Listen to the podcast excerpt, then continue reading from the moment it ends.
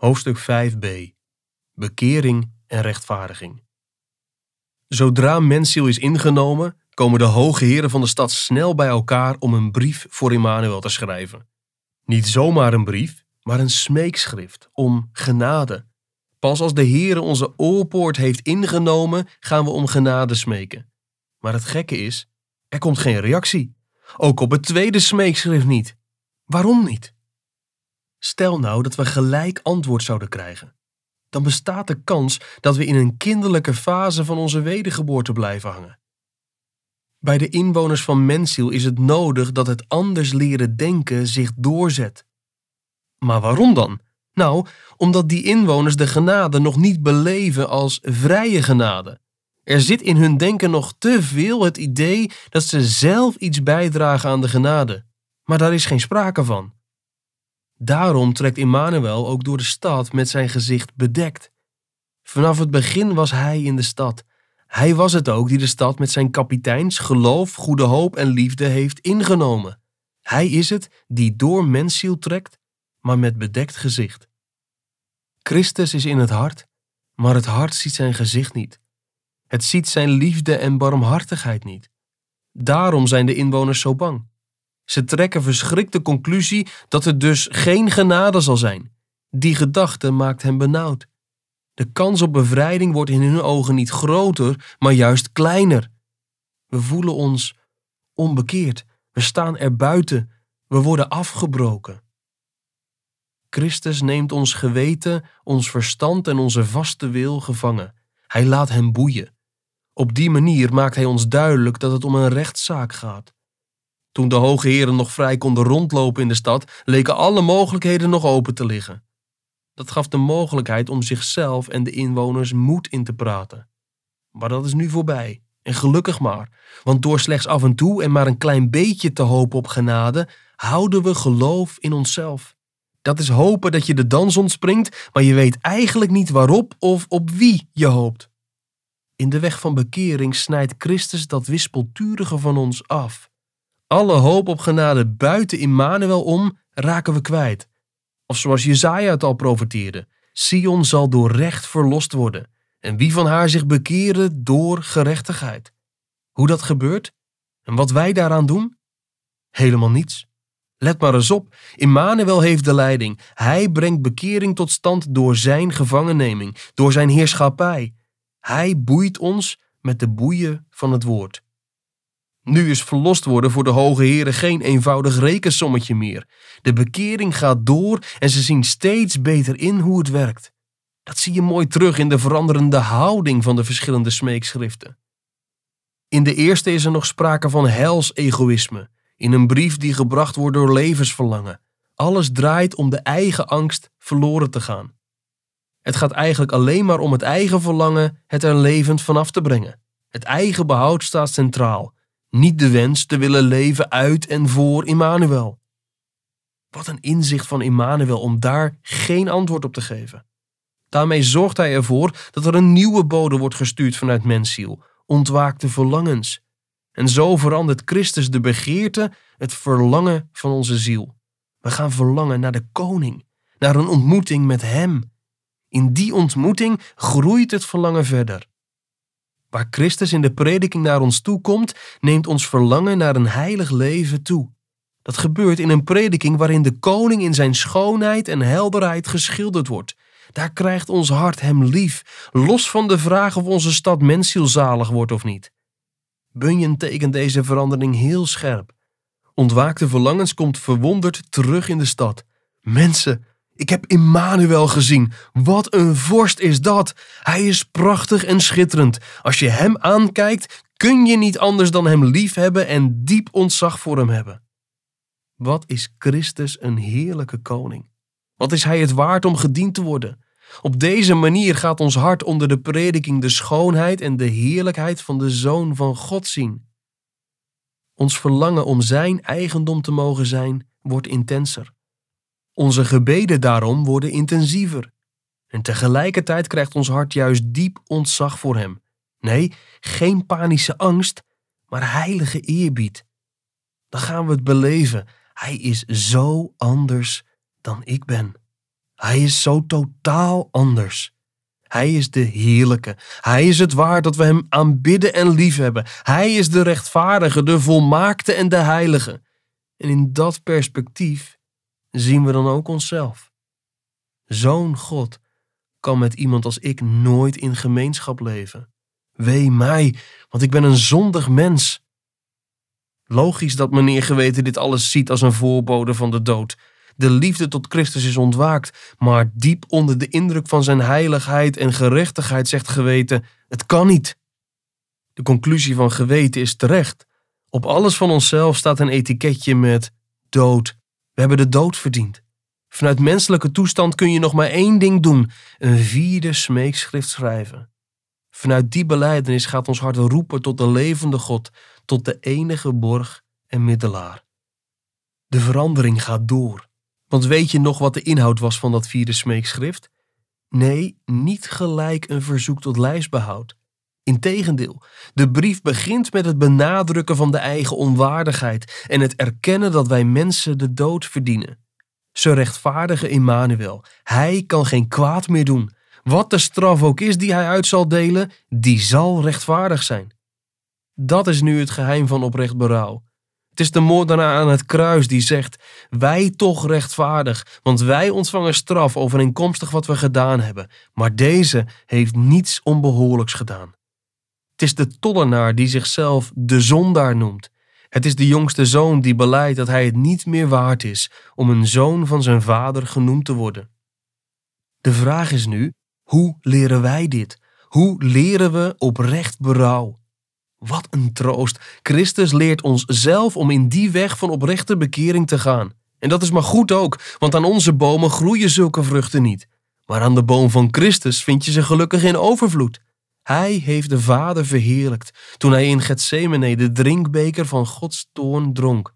Hij zag die toorn als een rechtvaardig oordeel over onze zonde. Hij kan ons leren om ons leven te verliezen in Gods handen. Hij kan ons door Zijn genade en liefde leren bukken en buigen. Op die manier leert Christus ons door Zijn woord en geest dat genade 100% genade is. 100%. Dus buiten Immanuel is er geen enkele grond om op te staan. Hij is het enige fundament van onze hoop. Met die kennis in het achterhoofd is meneer Vochtige Ogen bang voor zijn eigen onwaardigheid. Logisch. Onze tranen zijn namelijk ook geen grond om op te staan. Droefheid naar God is geen voorwaarde of oorzaak tot vereniging met Christus. Ze is juist een gevolg ervan, een vrucht. Let op wat vochtige ogen nu doet. Hij keert zijn fles met tranen om. Hij schaamt zich voor zijn naamgenoten die de tranen juist bewaren en als uitstekende handelswaar zien. Fariseeën bijvoorbeeld, kijk mij eens berouw hebben. Mijn fles zit al driekwart vol. Dan maak je van je berouw dus een oorzaak in plaats van een vrucht. Vochtige ogen bewaart ze niet. Hij keert zijn fles om. Hij vindt zelfs dat hij eigenlijk de naam vochtige ogen niet meer mag dragen. Met het omkeren van de fles ziet hij namelijk dat er een hoop vuil in die tranen zit, een hoop modder. Ook hier laat Bunje weer een prachtig beeld van ons leven zien. Herkennen wij wat vochtige ogen ziet? Dat je twijfelt of je tranen wel echt zijn, of je berouw over je zonde wel oprecht is? Het kan niet anders dan dat je tot de conclusie komt dat je berouw oprechter en groter moet worden. Je vindt dat er nog zoveel modder van egoïsme in je tranen zit.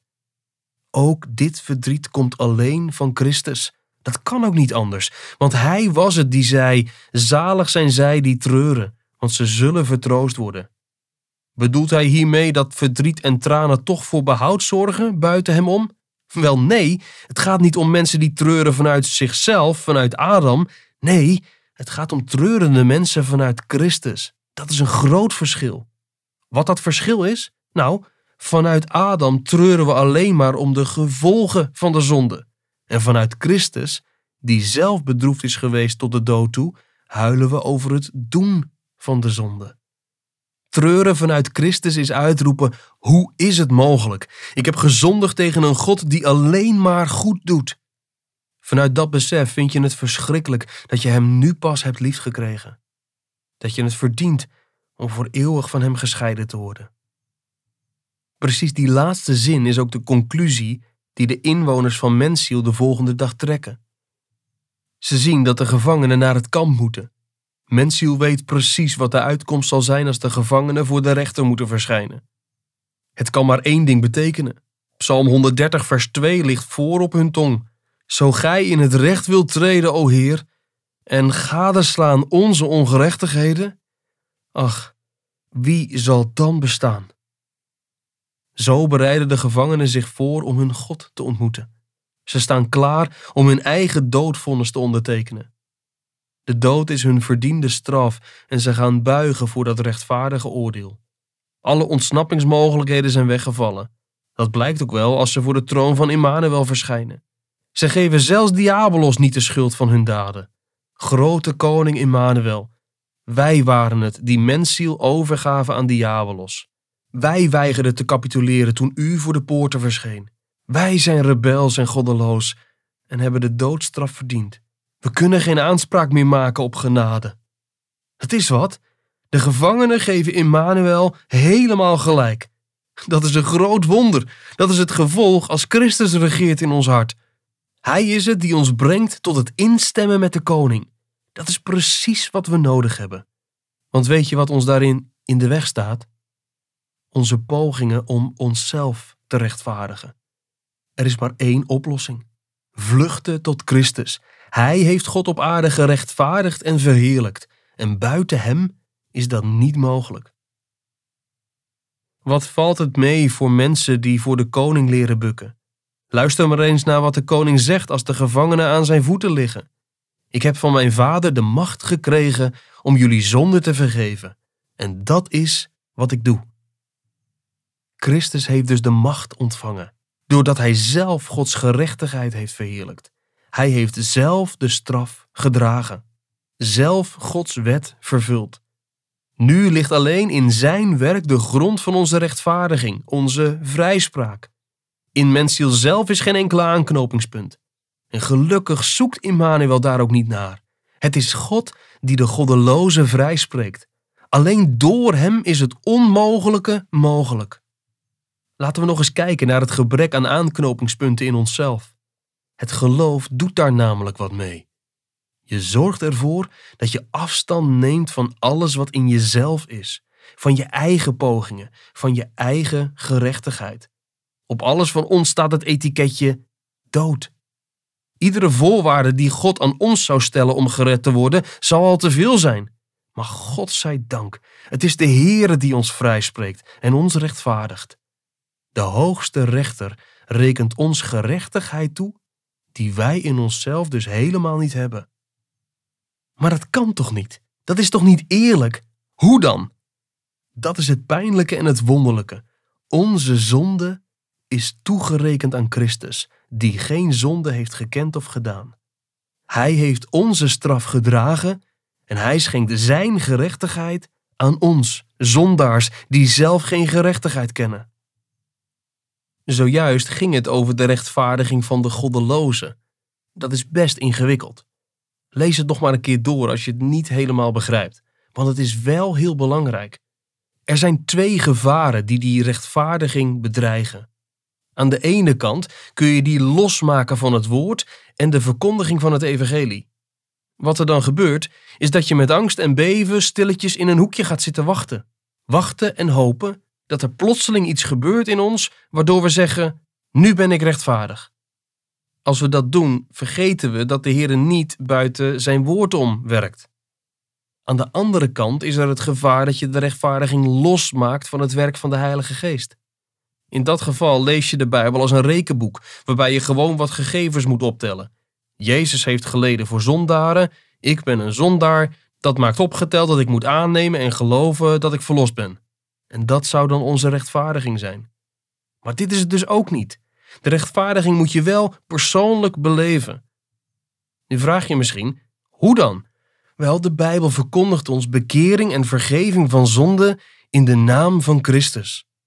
Het vertelt ons dat Immanuel deze gerechtigheid heeft verkregen door zijn dood en dat hij is opgestaan uit de doden om ons te rechtvaardigen. Christus heeft de toorn van God tegen de zonde van alle mensen gedragen. In hem heeft God de zondige wereld met zichzelf verzoend. De opstanding van Christus is het bewijs van Gods goedkeuring. Christus gerechtigheid is voldoende voor hem. Zo ligt in deze tweede Adam voor Adams geslacht de rechtvaardiging. De belofte van God verkondigen het evangelie van die rechtvaardiging uit genade. Paulus geeft dat geheim op een heel bijzondere wijze weer in Romeinen 4. Daar stelt hij de vraag hoe Abraham de vergeving van de zonde gekregen heeft. Was Abraham toen al besneden? Nee, dat komt pas vele jaren later. Heeft Abraham de wet gehouden? Nee, die zou nog meer dan 400 jaar op zich laten wachten. Wat dan? God beloofde in een nacht aan Abraham dat zijn nageslacht zou zijn als de sterren aan de hemel. Dat kon eigenlijk helemaal niet. Later werd het nog onmogelijker. Sarah had een menopauze achter de rug en Abraham werd zelf impotent. Abraham geloofde toch, enkel en alleen omdat de Heere het zei en beloofde. Dat heeft de Heere Abraham gerekend tot gerechtigheid. En hoe maakt Paulus de vergelijking af? Hij schrijft in Romeinen 4, vers 23 dat de woorden over die vergeving niet alleen voor Abraham zijn opgeschreven, maar ook voor ons. Waarom? Omdat het ook ons op dezelfde wijze tot gerechtigheid wordt gerekend als we geloven. Wat geloven? Wat God zegt tegen ons op Golgotha en wat God zegt tegen ons op de paasmorgen. En wat zegt God dan? Ik heb mijn zoon overgeleverd vanwege jouw overtredingen en ik heb hem opgewekt om jouw rechtvaardiging. Als jij het wonder gelooft dat God door en in Christus volkomen genoegdoening voor jouw zonde ontvangen heeft, dan rekent God dat geloof jou tot gerechtigheid. Het gaat dan alleen om wat God en Christus hebben gedaan. Als ons hart Christus als het ware in zijn gerechtigheid in de belofte van het evangelie omhelst, dan rekent God ons dat geloof tot gerechtigheid. Zie je nu hoe dit komt? Het geloven zelf is dus geen gerechtigheid, ook niet een deel ervan. Integendeel, het geloof strekt de handen juist uit naar iemand buiten onszelf. En dat gelovigen zich uitstrekken is het werk van de Heilige Geest. Het geloof strekt de handen juist uit naar iemand buiten onszelf. En dat gelovigen zich uitstrekken is het werk van de Heilige Geest. Hij is het die ons verstand verlicht, zodat we de belofte van God gaan proeven. Hij leert ons het evangelie van Christus rechtvaardigheid te begrijpen. Hij legt het in ons hart en overtuigt ons ervan in onze ziel dat het evangelie ook voor ons is. Dat in Christus al onze zonden vergeven zijn. En dan laat hij ons amen zeggen op dat evangelie, net zoals hij Abraham amen liet zeggen op die onmogelijke belofte over nageslacht. Johannes Calvijn beschrijft geloven zo: Geloof is een vast en zeker weten dat God ons goed wil doen. Dat weten is gebaseerd op de waarheid van zijn belofte van genade in Christus en wordt door de Heilige Geest geopenbaard in ons verstand en verzegeld in ons hart. Via zijn belofte verzekert God ons ervan dat het werk van Christus ook voor ons is, ondanks dat we zondaars zijn. De Heilige Geest zorgt er dan voor dat we dit gaan begrijpen en geloven. Hij is als het ware een getuige die ons voortdurend ervan verzekert dat we door Christus kinderen van God zijn. Christus gerechtigheid wordt ons dus toegerekend. Maar wat betekent toerekenen eigenlijk? Open je Bijbel maar eens in Romeinen 4. In de hoofdstukken daarvoor heeft Paulus laten zien hoe alle mensen, zowel Joden als heidenen, niet voor God kunnen bestaan. Als de Heer doet wat wij hebben verdiend, dan loopt het niet best met ons af. Dan gaan we voor eeuwig verloren. Er is nog maar één mogelijkheid om gered te worden: in het geloof Christus gerechtigheid vastgrijpen. Over dit wonder van genade, zo heeft Paulus in de voorgaande hoofdstuk al een paar keer gezegd, spreekt ook het Oude Testament al, Mozes en de profeten. En daarom durft Paulus aan het einde van hoofdstuk 3 ook te zeggen dat het wonder van genade de wet niet afschaft, maar juist bevestigt. Dat is mooi gezegd, maar op de achtergrond hoor je de rabbijnen al denken: leg dat maar eens uit. En dat is precies wat Paulus in hoofdstuk 4 doet. Hij laat zien dat God zijn kinderen in het Oude Testament op dezelfde manier verlost heeft als hij dat vandaag de dag doet. Paulus verwijst hiervoor naar Abraham. De Joden dachten namelijk dat God Abraham beloonde omdat hij zo'n groot geloof had, zo'n gehoorzame heilige was. Die gedachte is eigenlijk helemaal niet zo raar. Misschien herken je die ook wel bij jezelf. Je topt met jezelf, je twijfelt over je geloofsleven. Wat doe je dan? Dan kijk je naar mensen om je heen die in jouw ogen wel een groot geloof hebben. Je bekeerde oma bijvoorbeeld, of die echte gelovige jeugdwerkleider in de kerk. Als je daarover nadenkt, worden die oma en die jeugdwerkleider wel heel bijzondere mensen. Je kunt het je van hen best voorstellen dat God blij met hen is. Logisch dat Hij hun vergeving schenkt. Als jij je dan ongelukkig voelt en zondig, dan denk je: ik kan het wel vergeten bij God. Maar is die gedachte terecht? Kijk naar Romeinen 4. Precies om zulke gedachten verwijst Paulus naar Abraham. Lees maar in vers 1. Wat zullen wij dan zeggen dat Abraham, onze vader, wat het vlees betreft, verkregen heeft? We kijken naar Abraham. Wat heeft hij nou precies ontvangen? Veel belangrijker nog, hoe heeft hij het ontvangen? Kreeg Abraham vergeving van zonde omdat hij toch wel een bijzonder mens was? Vers 2 geeft het antwoord. Als Abraham uit werken gerechtvaardigd is, heeft hij iets om zich op te beroemen, maar niet op God. Paulus is heel duidelijk. Als er iets in het leven van Abraham is dat hem bijzonderder maakt dan andere mensen, dan kan hij zich daarop beroemen. Ja, zegt Paulus, maar dan niet bij God.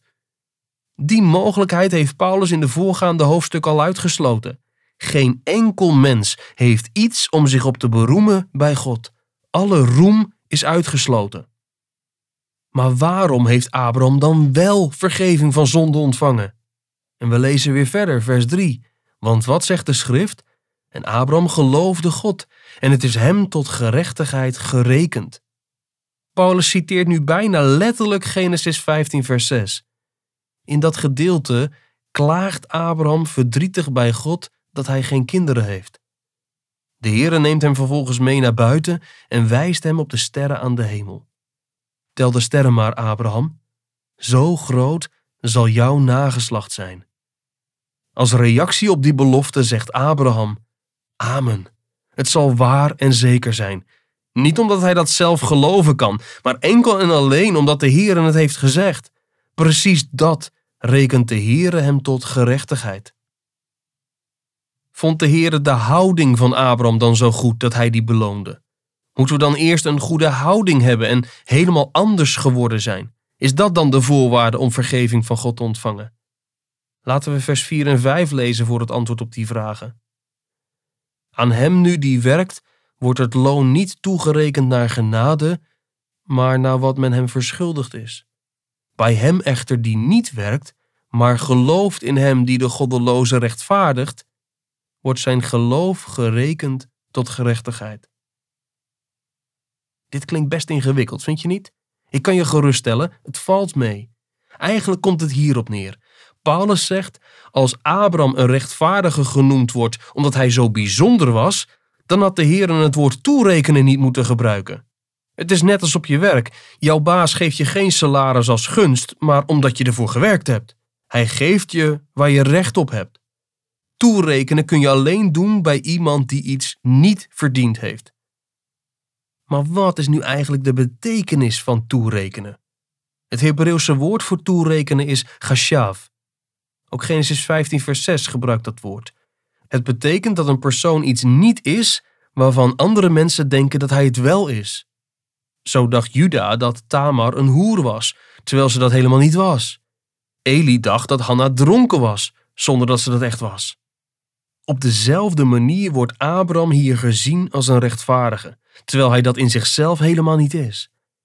Die rechtvaardiging wordt hem dus toegerekend vanwege iemand anders. Wat is Abraham dan wel in zichzelf? Indirect geeft Paulus het antwoord in vers 5, namelijk een goddeloze. Ook Abraham kan in zichzelf niet bestaan voor God. En dat klopt. Want Paulus heeft in de vorige hoofdstuk al aangegeven dat alle mensen gezondigd hebben en de heerlijkheid van God missen. Alle mensen zijn van nature goddeloos. Dus ook Abraham, al zijn sommige rabbijnen het daar absoluut niet mee eens. En dit geldt niet alleen voor Abraham, Het geldt ook voor die bekeerde oma en die echt gelovige jeugdwerkleider waar jij je mee vergelijkt. Je hebt een hoge dunk van hen en die wil ik je niet afnemen. Voorbeelden in het geloof zijn namelijk belangrijk, maar ik wil je er wel op wijzen dat ook zij goddelozen waren en dat ook zij het verdiend hadden verloren te gaan. Ja, maar ze zijn echt bekeerd, hoor ik je zeggen. Oh zeker, dat trek ik niet in twijfel hoor. Maar ze zijn alleen maar gered omdat God hen aanziet voor iets wat ze uit zichzelf niet zijn: rechtvaardig. Van zichzelf zijn ze goddeloos, kwamen er uit hun hart verkeerde begeerten en boze gedachten op, net als bij jou. Ook zij voelden zich goddeloos en onrechtvaardig. Maar alleen door genade weten ze zich rechtvaardig. Als ze dit zouden ontkennen, zijn ze juist niet verlost. Luister maar naar Calvijn, die dit heel duidelijk samenvat. Niemand zal tot rechtvaardigheid van het geloof komen, behalve hij die van zichzelf gelooft dat hij goddeloos is. Wat een ontzettend groot wonder, vind je niet? We mogen zonder enige prestatie of bijdrage uit onszelf Christus omarmen als onze redder. We mogen Hem omhelzen in de volkomenheid van Zijn offer aan het kruis. In Hem ontmoeten we het vriendelijke aangezicht van de Vader. Die Vader zou onze rechter moeten zijn, maar vanwege Christus komt Hij naar ons toe als een barmhartige Vader. In Christus heeft koning Shaddai niets meer op ons tegen. In dat evangelie is onuitsprekelijke blijdschap. Het doet je zingen met Psalm 32, vers 1. Welzalig hij, wiens zonden zijn vergeven, die van de straf voor eeuwig is ontheven. Dat kunnen we eigenlijk nooit helemaal bevatten. Het is niet te beredeneren. Onze boeien vallen af, we liggen aan de voeten van Immanuel. En dan gebeurt het. Hij laat niet zijn zwaard op ons neerkomen, maar zijn zegenende handen. Hij tilt ons op met zijn rechterhand en hij zegt: Vrees niet, uw zonden zijn u vergeven. Het jubeljaar breekt aan. De gevangenisdeuren gaan voor eeuwig open. Het lieflijke en het warme zonlicht schijnt naar binnen in onze dodencel. Geen angst voor de hel meer, maar vreugde van het zalige hemelleven. In plaats van eeuwige dood is er eeuwig leven. Immanuel overhandigt ons tenslotte nog een perkament waarin de rechtvaardiging zwart op wit staat opgetekend. Wat dat is? In ieder geval geen oorkonde om thuis aan de muur te hangen. Geen mooie plaat waarop staat: U bent op die en die dag en dat tijdstip gerechtvaardigd. Ga daar maar mee pronken. Nee, absoluut niet. Het is het woord van zijn liefde. Daar leeft hij en spreekt hij. In Hem vinden we onze rechtvaardiging, nooit in onszelf. Het blijft altijd een wonder. Het was rechtvaardig geweest als ik voor eeuwig verloren was gegaan, maar toch ben ik zalig geworden. En dat is pure genade. Het is dus niet zo dat je geridderd bent in de orde van de zelfrechtvaardiging en nu vol trots met een speldje op de borst rondloopt. Nee, onze rechtvaardiging is en blijft in de Here. Ik ben als goddeloze gerechtvaardigd. En als goddeloze moet en mag ik dat van dag tot dag weer beleven. Dat geldt niet alleen voor mij, maar door genade kan dat voor iedereen. Wat een wonder! We krijgen een sieraad in plaats van as om te rouwen. Vreugdeolie in plaats van treurigheid. Zelfs meneer Vochtige Ogen krijgt vreugdeolie om in vreugde en blijdschap Shaddai en Immanuel te aanbidden. Mensziel barst uit in gejuich. Rechtvaardig volk, verheft uw blijde klanken. Verheugt in God naar waarde nooit te danken. Zing vrolijk, roem zijn deugden alle tijd. Gij, die oprecht van hart en wandel zijt. We worden een rechtvaardig volk genoemd. Hoe is dat mogelijk? Nou, omdat het niet onze eigen naam is. We hebben geen enkele rechtvaardigheid in onszelf. Die naam rechtvaardig is de naam van onze bruidegom. Shaddai noemt zijn zoon wat hij is, mijn knecht, de rechtvaardige. En nu mag hij in de weg van het huwelijk zijn naam schenken aan zijn bruid. Wat een wonder!